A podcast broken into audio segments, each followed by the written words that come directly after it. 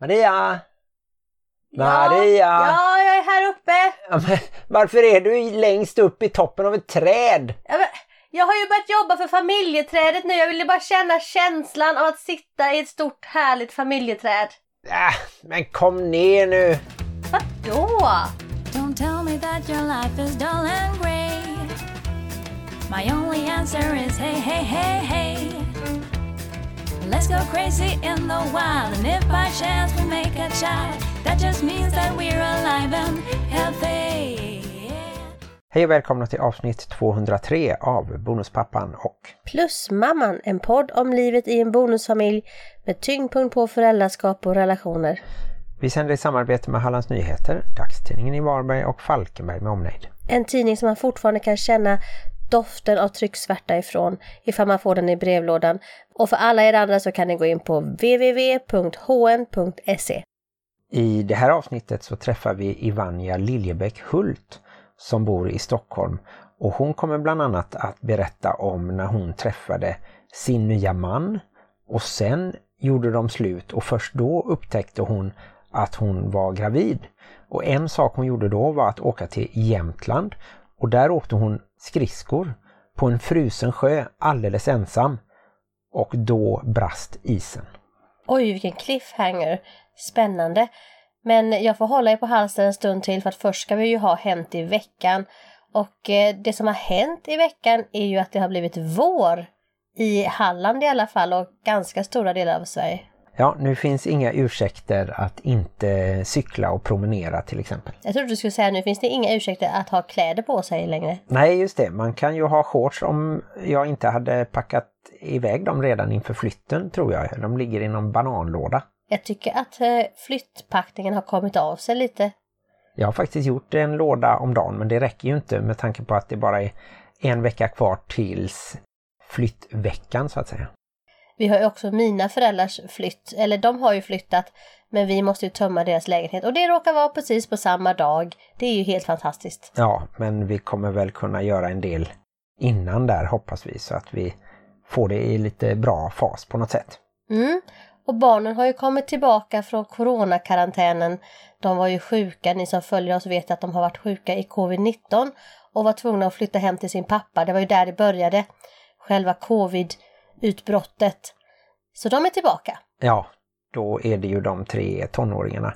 Minstingen har ju varit hos oss hela tiden och testat negativt precis som vi har gjort. Och sen så ska de ju faktiskt flytta härifrån en vecka före oss. De flyttar ju redan nu till helgen medan vi är kvar en vecka till och röjer upp det sista. Ja, då har jag faktiskt tagit ledigt från jobbet för att kunna vara riktigt effektiv och duktig. Jag var så här nära att fråga Anders, alltså mitt ex, då de tre äldsta barnens pappa, ifall han kanske kunde haft Helle också den veckan. Men sen tänkte jag, det kanske var lite för over the top.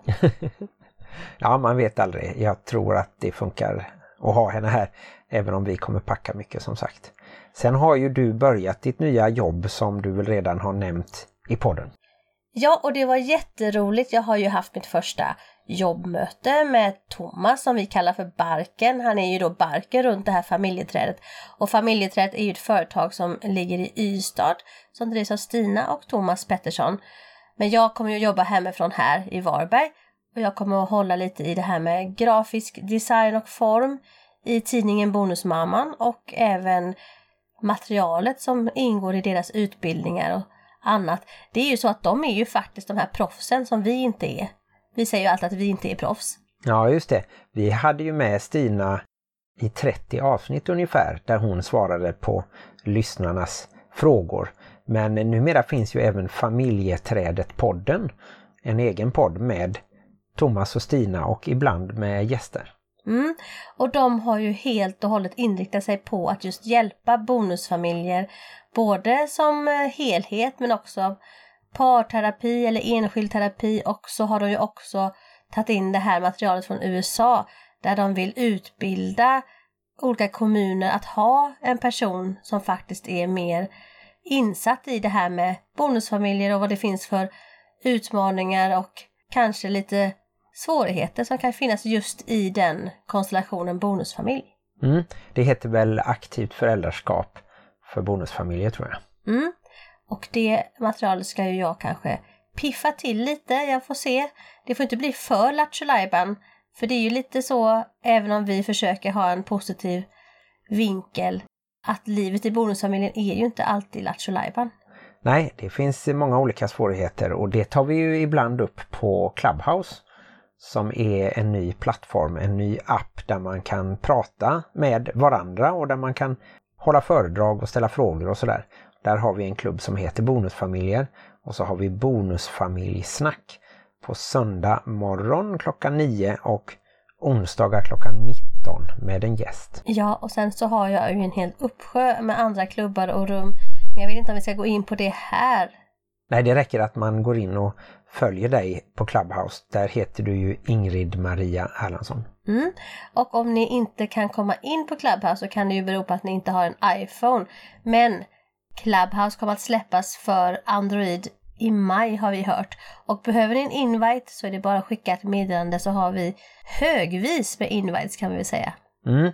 Ni når oss ju lättast via våra sociala medier.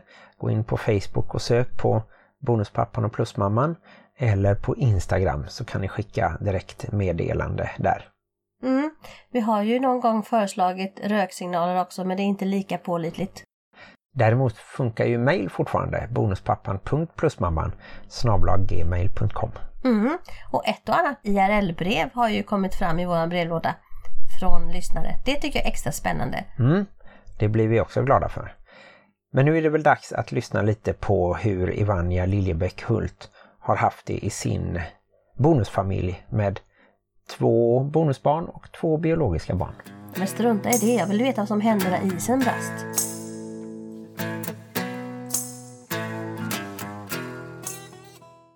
Hej Ivanja Liljebäck Hult, välkommen till podden. Ja men tack så jättemycket.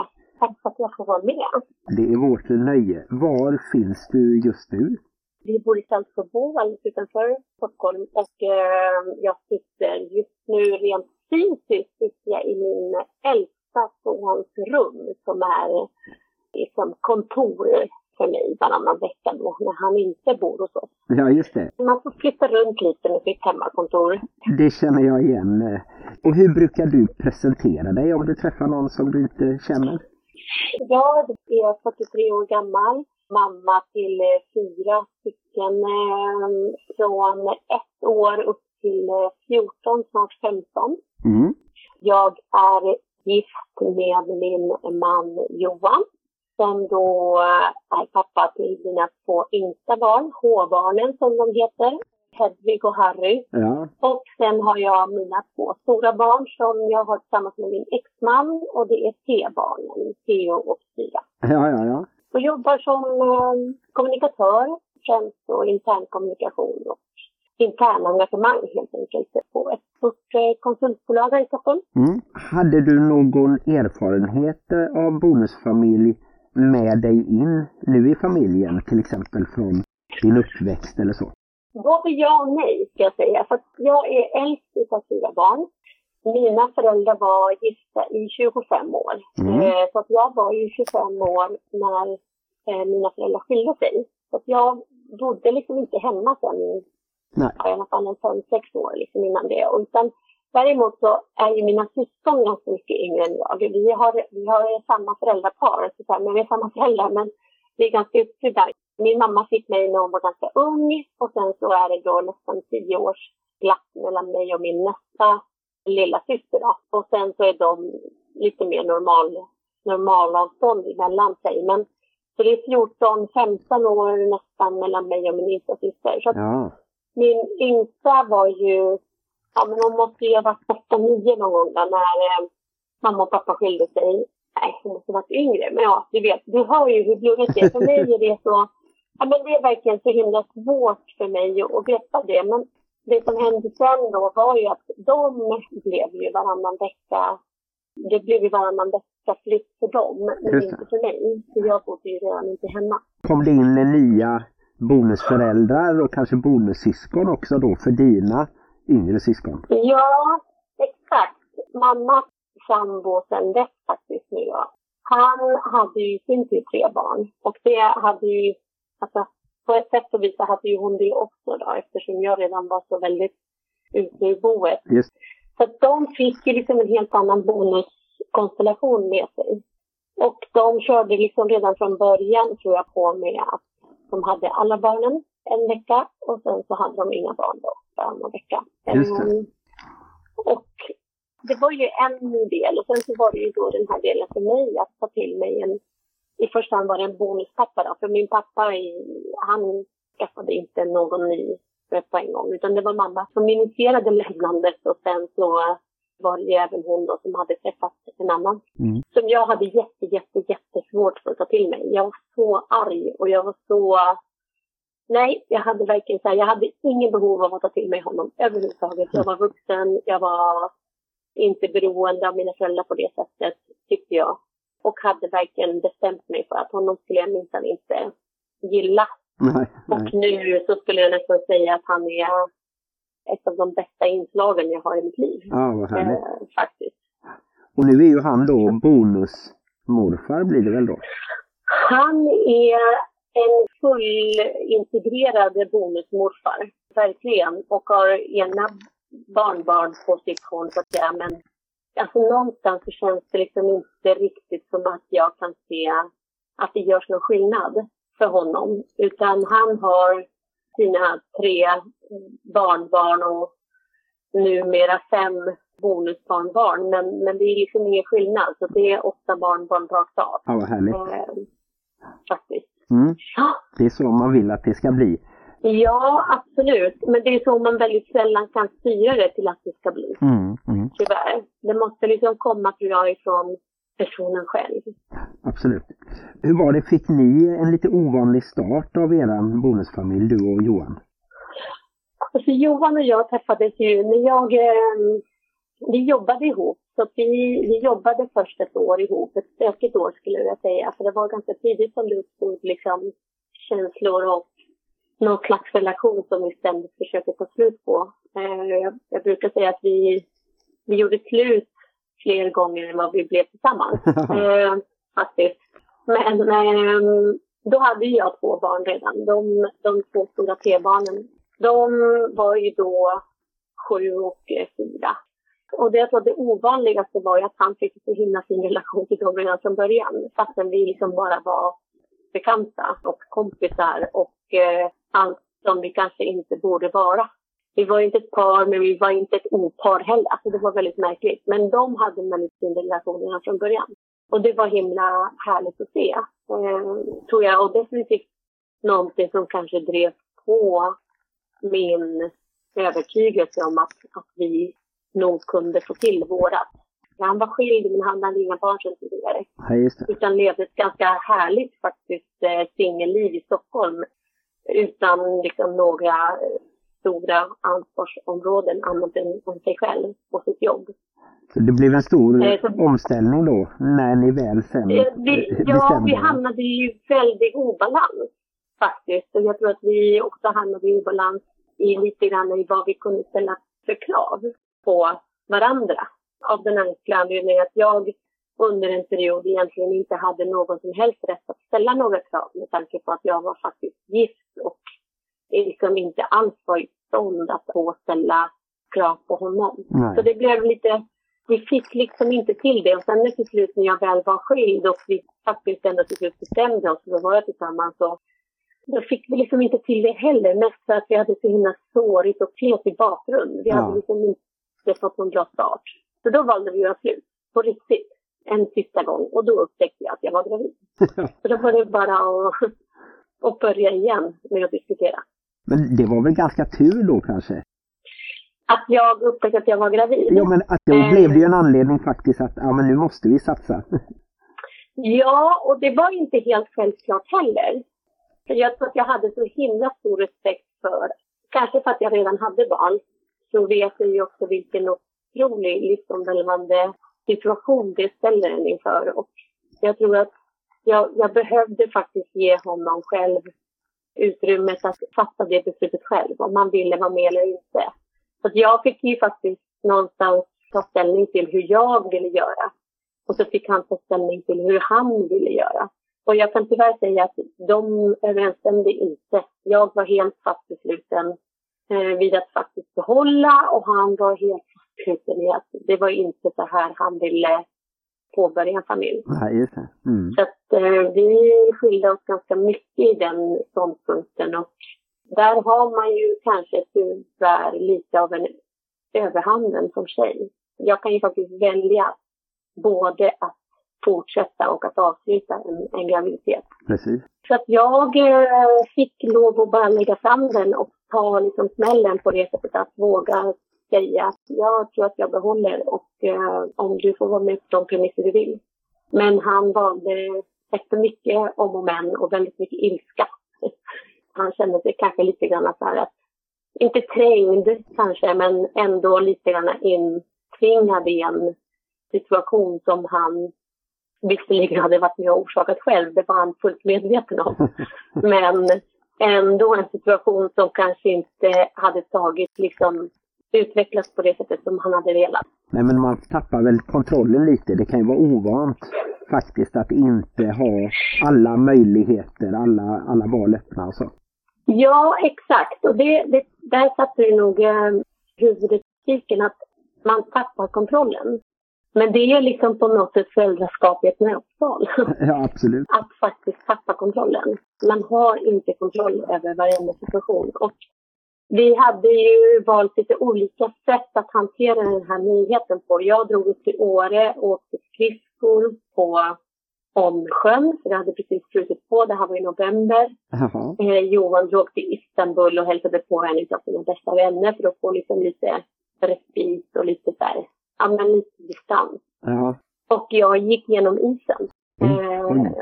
själv ute på sjön. Och i den där, du vet, det låter ju så klyschigt och det låter löjligt, men det är verkligen så att när du ligger där i vattnet och vet att du är helt själv och att om du klarar dig upp så då jäklar ska du vara liksom rätt tacksam.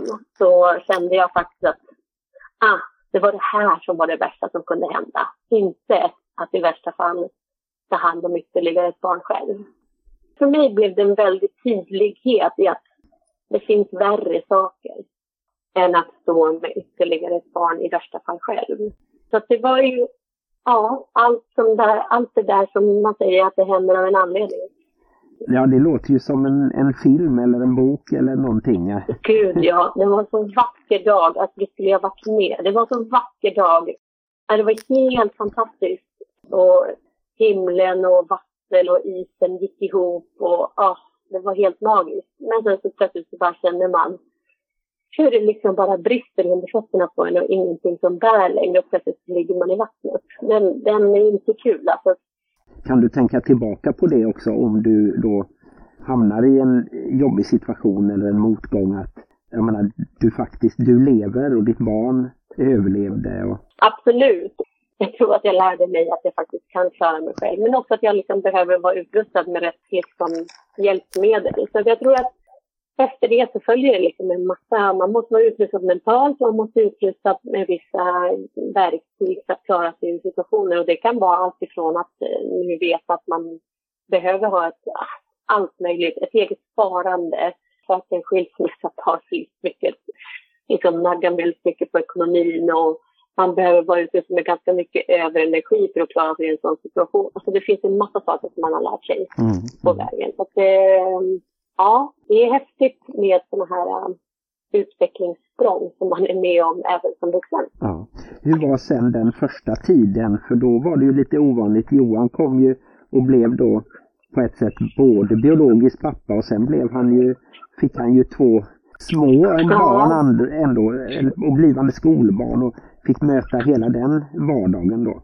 Du måste nästan intervjua honom också så småningom. Ja. han berätta det själv faktiskt. Det, Ja. det, det skulle vara himla intressant att lyssna till. Som jag ser det utifrån så har ju jag också någonstans valt en av de absolut bästa människorna jag tror för rollen. Han är en given bonuspappa som kan liksom både, tror jag, vara en god vän, en stöttepelare, till viss del auktoritär, men också ha väldigt sunda värderingar i relation till barnen. Och jag jag tror att jag sa det i vår egen podd någon gång, att jag är otroligt tacksam att mina barn har honom som, som förebild eller som ytterligare en vuxen person för att de får med sig väldigt mycket av det som jag själv saknar. Otroligt mycket tolerans för stök och bök och ljud och du vet, alltid på gott humör och så vidare. Ja. Och jag kan väl kanske vara mycket mer regelfast och liksom tycka att saker och ting ska göras på ett visst sätt och så vidare. Så det är bra att han lättar upp deras vardag. Mm. Eh, för jag tror att med mig skulle de kanske inte få det. Så han anpassar sig, tror jag, väldigt väl. Och det tror jag är en otroligt fin förmåga att ha om man ska gå in i en bonusfamilj. Att faktiskt vara anpassningsbar och ödmjuk, tror jag, inför den konstellationen man går in i. Ja, absolut. Och, och kanske särskilt då gentemot barnen, att låta barnen bestämma lite vilken typ av relation man bygger upp. Och Exakt. Allt, allt från fysisk kontakt och sådär, det går liksom inte att där, där, får man ju vänta och, och har man tur då så, så får man en kram även av bonusbarnen. Ja, exakt. jag tror att det, det till viss del har det att göra med, precis som du säger, till viss del har det att göra med eh, hur mycket man investerar själv. Men till stor del säkert också viss tur, visserligen. Men man kanske bara inte ser alla kedjorna. Och det har ju, den slumpen berörs ju liksom utav eh, den biologiska föräldern som bor eh, hemma, den biologiska föräldern som kanske, ja, den andra halvan så att säga utav ja. den, den ursprungliga konstellationen och, och dens inställning och allt ifrån liksom vad den använder för ord när den beskriver den här bonusställen och så vidare. Så allt sånt påverkar ju otroligt mycket. Mm. Och familj runt omkring och Alltså det är ju så otroligt mycket som kan eh, både hjälpa och skälpa mm. eh, faktiskt i en, i en bonuskonstellation. Och där ser jag ju tyvärr väldigt många som kanske inte riktigt har den turen att kunna skapa sig den, den relationen till de här barnen. Eh, dels för att man ibland kanske inte själv är mottaglig för det eller öppen för det. Men, men jag tror att det, det beror ju också på vår vad den ursprungliga konstellationen har kommit med för bagage. Ja. Eller vad, liksom, vad den har ålagt kanske barnen med för bagage. Jag är otroligt lyckligt lottad och det vet jag. Och jag är väldigt tacksam för just det. Jag brukar, vi har en väninna som varje år ordnar en, en fin eh, Thanksgiving. Och min Thanksgiving tacksamhetssnack kretsar oftast kring den otroligt otacksamma rollen att vara bonusförälder. Men tacksamheten över att faktiskt ha träffat en man som axlar den rollen som om han aldrig någonsin hade varit ämnad för någonting annat. Ja, härligt. Men du måste också ha tänkt på att, att släppa in Johan och, och ge honom det utrymmet till exempel att vara med och sätta gränser även om man kanske som bonusförälder tjänar på att kanske vara den som är då lite snällare eller så som Maria brukar säga till mig ibland att hon kan ta bad cop och jag kan få vara lite good cop. Så hon, hon kan lämna över lite eh, eh, glada beslut och, och, säga till mig att ja, om vi har köpt hem något, vi har köpt hem glass eh, som överraskning en vardag eller så. så ja, men du, du får berätta liksom. Så hon vill att jag by, bygger upp ett kapital eh, av det liksom. Och, och, sen så kan det vara något, det går inte heller att ha relationer där jag inte fattar några beslut. Om jag hela tiden skulle säga nej, fråga, fråga eran mamma eller så. Utan jag måste ju faktiskt säga att eh, ja, jag, jag, tycker så här eller, eller jag och mamma har redan pratat om det och, och vi, vi kommer behålla klockan åtta som läggtid för dig ett tag till. Så det är ingen idé att vi frågar mamma för det liksom, och det funkar eh, oftast. Ja, absolut. Och det tror jag är, det ska jag ju också vara otroligt ödmjuk inför att den relationen som jag har med T-barnens pappa är ju också så pass fin och god och respektfull att vi kan ju ha våra skilsmässor såklart.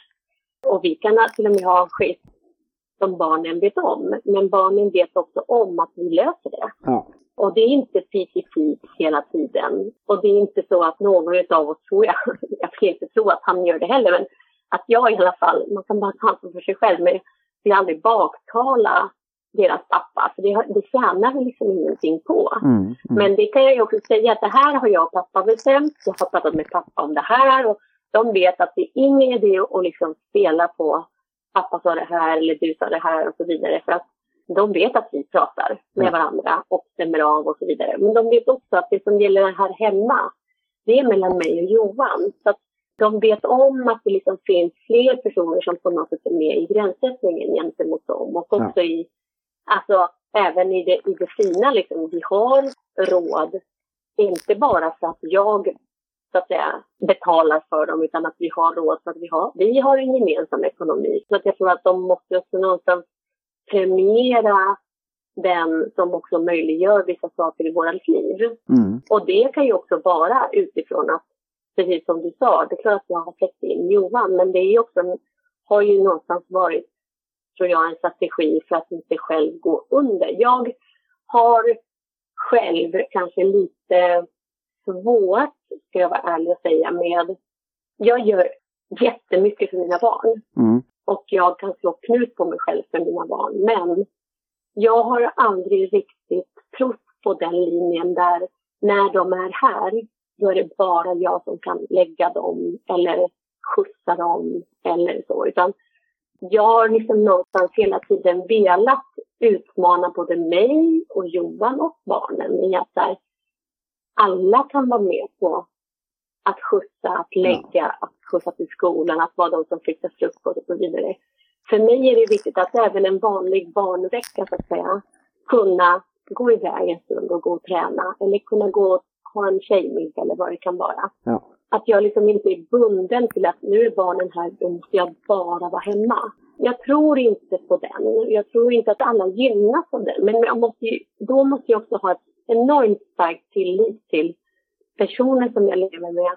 Alltså min partner och jag måste ha så stark tillit till att mina barn talar om för mig när de inte känner att det är bekvämt. Mm, mm. Men det skulle ju också bli en obalans där om Johan skulle behandla de biologiska barnen och, och sen sina bonusbarn väldigt olika. Om han liksom aldrig fick säga till bonusbarnen. Då skulle det bli li- lite en konstig uppdelning mitt i familjen där. Ja, Det blir det ju och jag tror att den börjar den uppdelningen i, i någon dimension så tror jag tyvärr att den också sprider sig lätt. Jag Mm. tror att om man börjar göra skillnad på vem som får göra, hantera gränssättningen eller vem som får hantera vissa processer, om man säger så, vardagliga processer, då tror jag att det också sprider sig till eh, det, det, jag tror att det begränsar generositeten i annat. Ja. Vare sig det är ekonomi eller energi eller viljan att hjälpa till. Det kan vara på så många olika områden. Jag tror Mm. att man måste släppa in varandra på många olika plan för att det ska kännas som ett gemensamt projekt. Så att annars blir det väldigt uppdelat. Ja. Om man bara liksom ser varandra som ett team så tror jag nog att man faktiskt kan hjälpas åt och inte bara hjälpa till Mm, när det mm. behövs. Har barnen fått eh, någon bonusförälder och andra syskon på sin pappas sida? Ja, alltså de har fått en eh, helt makalös, skulle jag vilja kalla det, bonusmamma på den sidan. De är, de är inte sambos, men hon i sin tur har tre barn. Så de väljer ju liksom att eh, leva, de har barn samma veckor, men de lever ju inte ihop. Nej, just det. De har liksom barnen på varsitt håll den veckan de har barn och sen så gör de ju väldigt mycket saker tillsammans och, så där. och de barnen är väl något år äldre liksom än, än Mm. våra då. Jag tror att jag är igen otroligt tacksam för den personen som hon är. Mm. För jag vet att hon också är en bra förebild med sina egenskaper. Och kan fylla liksom på barnens förebildsbägare med liksom sina erfarenheter och, och kunskaper. Mm. Så jag är väldigt igen tacksam för och hoppas att liksom den här situationen på något sätt håller i sig. Helst för evigt och alltid. Så att det är Ja, jävla ja. mäckigt att hålla på och byta ut alla. Ja, ja. Jag funderade lite på det där med barnen för oftast så känner ju sig barnen som syskon och de behöver inte ha några liksom etiketter sådär att man ska säga att ja men jag har ett helsyskon, två halvsyskon och ett bonussyskon. För of- ofta kan det vara att ja, syskon är syskon om, om man lever under samma tak och så. Men Ja. det blir ändå en liten skillnad där att, att varannan vecka så, så försvinner de två äldsta. Har det varit eh, någonting sådär eh, ovanligt då för de, de små att de liksom undrar lite, va, jaha nu är de eh, inte här och nu är de här. Och, De har ju liksom aldrig ställts riktigt inför något annat. Alltså de har ju inte sett så mycket annat. Jag tror nog att då kan ju möjligen Hedvig ha den upplevelsen nu när hon faktiskt har kvar Harry här varje vecka, liksom, Ja, hela tiden. Men jag ser ju, de T-barnen och H-barnen har ju en otroligt fin relation faktiskt. Och jag tänker vara ärlig och säga att jag tror inte att jag har någonting med det att göra. Eller min känsla är inte att, det, att jag på något sätt har gjort något som har varit liksom avgörande, utan det har varit, tror jag, deras känsla. Men vi har, jag har rättat åtminstone faktiskt en vän väldigt öppet när hon pratade om halvsyskon. Jag sa att jag är ledsen, men när jag är här hemma så pratar vi inte i, i den terminologin. nej. Våra barn är syskon, punkt. Det finns inte helsyskon, halvsyskon och så vidare, utan det finns syskon. Mm. Och jag tror för våra barn har det liksom aldrig funnits något annat, någon annan eh, distinktion. Sen pratar de om sina bonussyskon och det är ju då min exmans tjejs barn. Ja, just det. Där finns det ju egentligen inga liksom, blodband. Men jag skulle nästan hellre vilja att det inte fanns någon skillnad där heller. Mm. När de är vuxna så kommer de barnen, deras relation kommer vara så mångårig då. Det kommer vara syskon oavsett. Ja, och, och just nästa generation så som det har blivit där med, med din, eh, eller man kan nästan säga då dina småsyskons eh, bonuspappa. Går det en generation till då blir det ju ännu närmare att alla barnbarnen hör ihop på något sätt. Och, Ja, det är det jag tror är liksom någonting som man behöver ha. Dels att man har barnen för sina ögon så att säga när man tar beslut, men också liksom långsiktigheten. Att försöka att inte skapa skilsmässor förhindrar lätt att det uppstår ändå, så man behöver inte skapa dem. nej. Än så länge har barnen inte liksom nytta av att veta om de är halvsyskon eller, hel, eller helsyskon. De behöver inte göra någon skillnad på det. Mina två stora är jag otroligt tacksam över att de har haft varandra genom hela den här processen. Liksom, Mm. Även om den inte har varit snårig så har det ju såklart ändå varit något otroligt skönt för dem tror jag att ha varandra. Mm. Där lilla syster kanske är den som har varit mest liksom, framåt och kavat och storebror som har kunnat liksom, stödja sig på lilla syster. Ja, ja. Det är hon som har tagit honom i hand och sagt kom, vi går den här vägen. Han verkar schysst den här Johan. ja. Eh, vi, vi, vi litar på honom. Okej, har han sagt. Då kör vi. Så han är den som är mer avvaktande men hon är den som är mer framåt. Och då har de kunnat hitta varandra i den styrkan. Och det är ganska häftigt att se. Ja. Men de har också den relationen till sina nu då småsyskon. Att de må bo här varannan vecka men det är liksom ingen, det är som det är. Jag tror att min son uttryckte häromdagen att så här, ja, nej men det är liksom livet. Det är inte alltid man vet hur det utvecklas. Mm. Nej, det var, som våran äldsta här, Saga, sa, hela Helle är ju min syster. Och det, Ja. det, man kan ju bara ändra ordning på orden lite så blir det ganska, ganska bra. Och, eh, Exakt. Det är häftigt att se faktiskt bland barnen hur de bara anammar det här nya. Beroende på, tror jag, hur vi anammar det.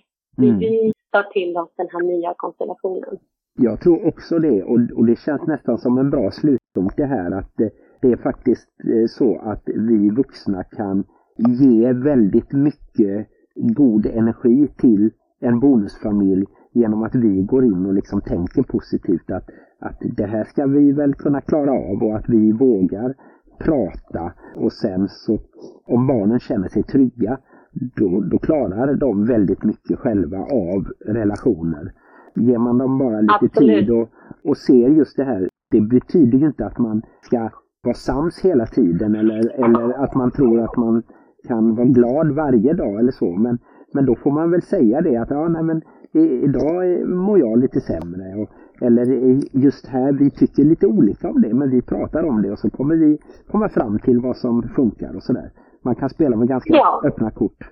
Det tror jag. Och jag tror ibland att vi i vår en iver över att skydda våra barn från, från faror så tror jag att vi ibland kör över dem med Mm. någon slags lyckofilter. Mm, mm. Eh, och jag tror att ibland så behöver de också få se att ah, nu är det tungt alltså. Men jag kämpar på. Och jag tror att det är viktigt därför att då får de också känna igen sig när de själva tycker att det är jobbigt. För att om de aldrig har fått se att någon annan har det jobbigt, då är det ju tydligen fel på mig om jag tycker att någonting är jobbigt. Ja, just det. Nej, men det finns risker med det helt klart också. Så att, eh, ja. jag tänkte... Och en bonusfamilj är inte lätt, Nej, men, men det går. absolut. Och, och det är ju så härligt att höra att ni verkar ha, ha lyckats eh, få ihop er bonusfamilj och att, att ni har goda relationer. Så att eh, jag, Ja. jag tänker så här att eh, våra lyssnare vill säkert höra mer av dig. Och då kan de ju lyssna på din podd så att säga. Ja, exakt. Vi har ju Reparera eller Separera med Malin och Sofia som driver goon.se. Och jag har ju stora äran att få vara där lite som moderator och röda tråden-hållare i den podden. Och där pratar vi just om ja, men egentligen allt som har med relationer att göra, både före, under och efter en, både en reparation och en separation. Så att allt som har liksom med relationsutveckling att göra på ett eller annat sätt, oavsett vad slutprodukten blir. Och väldigt många utav ämnena och frågorna som, som kommer in då till GON är just framförallt, tror jag, mycket frågor och farhågor och rädslor inför vad som väntar på andra sidan en separation. Eller vad som väntar på andra sidan en reparation för den delen också. För det är inte alltid någonting som repareras blir liksom hållbart på en gång. Ibland behöver det läka och landa. Så det Mm. finns ganska mycket att, att prata om och det gör vi i våran Reparera eller separera som vi lanserar ungefär varannan vecka. Just det, kolla upp den och vill ni veta Mm. mer om GoOn så kan man ju gå in då på goon.se, g-o-o-n.se.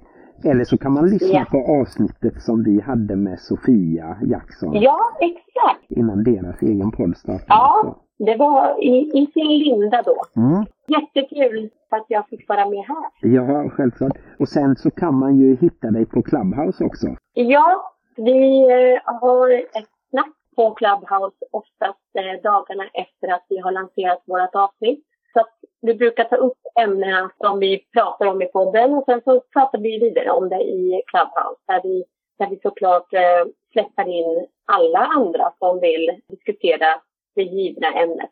Clubhouse är ju jätteroligt. Det har blivit Ja. många spännande rum om allt möjligt och bland annat eh, bonusfamiljer eller, eller andra re relationer. Så att eh, det kan vi rekommendera. Ja.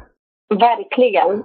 Clubhouse är som ett, eh, ett forum som man kan hoppa in i lite nu och då. Ja, tack så mycket Ivania för att du var med och hälsa Johan och eh, barnen. Det ska jag Mm. göra. Tusen tack och hälsa hem själv. Ja, ha det bra. Tack. Tack. Hej, hej.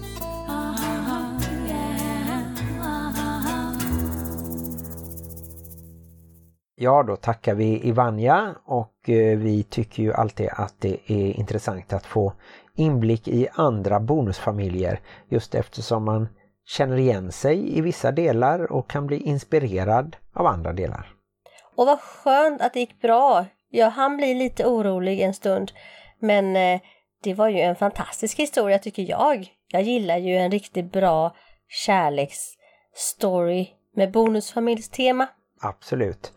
Och eh, Ivanja kan ni ju också hitta på Clubhouse. Vi påminner om att det är en eh, spännande app och en ny plattform där man kan diskutera alla sorters bonusfamiljsproblematik och eh, stötta varandra och så. Ja, och lyssna på podden som hon har tillsammans med Sofia och Malin från Go On. Podden heter Reparera eller Separera. Just det. Vi gillar ju både poddar och Clubhouse förstås. Och då kanske vi ska avsluta med varsin eh, haj, veckans höjdpunkt. Veckans späckhuggare helt enkelt. Jajamän. Ska jag börja? Inte späckhuggare, en slags delfin. Nej, jag tänker att det är typ en valhaj av något slag. De är väldigt farliga i alla fall, Ja, orcas. men vackra. Mm. Jo, men min haj måste ju vara att mina barn har kommit tillbaka, som vi sa, från coronakarantänen. Jag vet inte, är det liksom på något sätt Kände du någon glädje när de kom tillbaka? Eller Ja. var du mest glad att du hade haft mig för dig själv? Ja, det också. Men eh, jag var väl lite orolig för jag var inte helt säker på att de kunde komma tillbaka samma dag precis när det hade gått sex eller sju dygn efter testresultatet eller sådär. Så jag, Ja, men corona är väldigt så, de håller på tiden. Ja, men jag tycker vi var kanske lite slarviga med att kolla upp. Men eh, vi har ju inte haft några symptom så det känns som att vi fortfarande är negativa till covid på många sätt. Ja, det är nästan det enda tillfälle som det faktiskt är väldigt bra att vara negativ. Men vad är din haj då? Ja, Jag tänkte att jag skulle vara lite egoistisk och säga att eh, jag är nöjd både med mina nya linser som gör att jag slipper ha läsglasögon. Det är sådana här multifokala, tror jag de heter. Men, Fokala, är det någon slags blandning mellan att vara att de låter som att man pruttar? Typ fekalier, vokal. Ingen aning. Det har nog något med fokus att göra tror jag på något sätt. Och sen att jag inte känner av några björkpollen än. Så jag håller tummarna för att det blir en lite lugn säsong och att det inte bryter ut precis den dagen som vi ska flytta till exempel och hålla på och bära kartonger och lådor och möbler i säkert 14 timmar. Är inte det att jinxa någonting och säga jag hoppas att det inte blir så när vi ska? Det får vi se, det får vi återkomma till i nästa avsnitt av Och får man verkligen ha två haj? Jag fick bara ha en haj. Min, min haj är då sammanslaget att eh, jag eh, är trött och inte har någonting att skylla på. Det blir nästan omvänt, eller hur? Men jag är så glad att du inte har läsglasögon för du såg ut som en gammal, gammal, gammal, gammal gubbe med fula glasögon. Jag menar, det skulle kunna vara en gammal, gammal, gammal, gammal, gammal gubbe med fina glasögon. Men så var det ju inte. Så nu ser jag bara medelålders ut då. Nu har du bara inga fula glasögon. Nej, ja, det är alltid något. Ja, så kan det nog vara. Glöm inte att livet i bonusfamiljen kan vara besvärligt. Men också härligt! Hej då!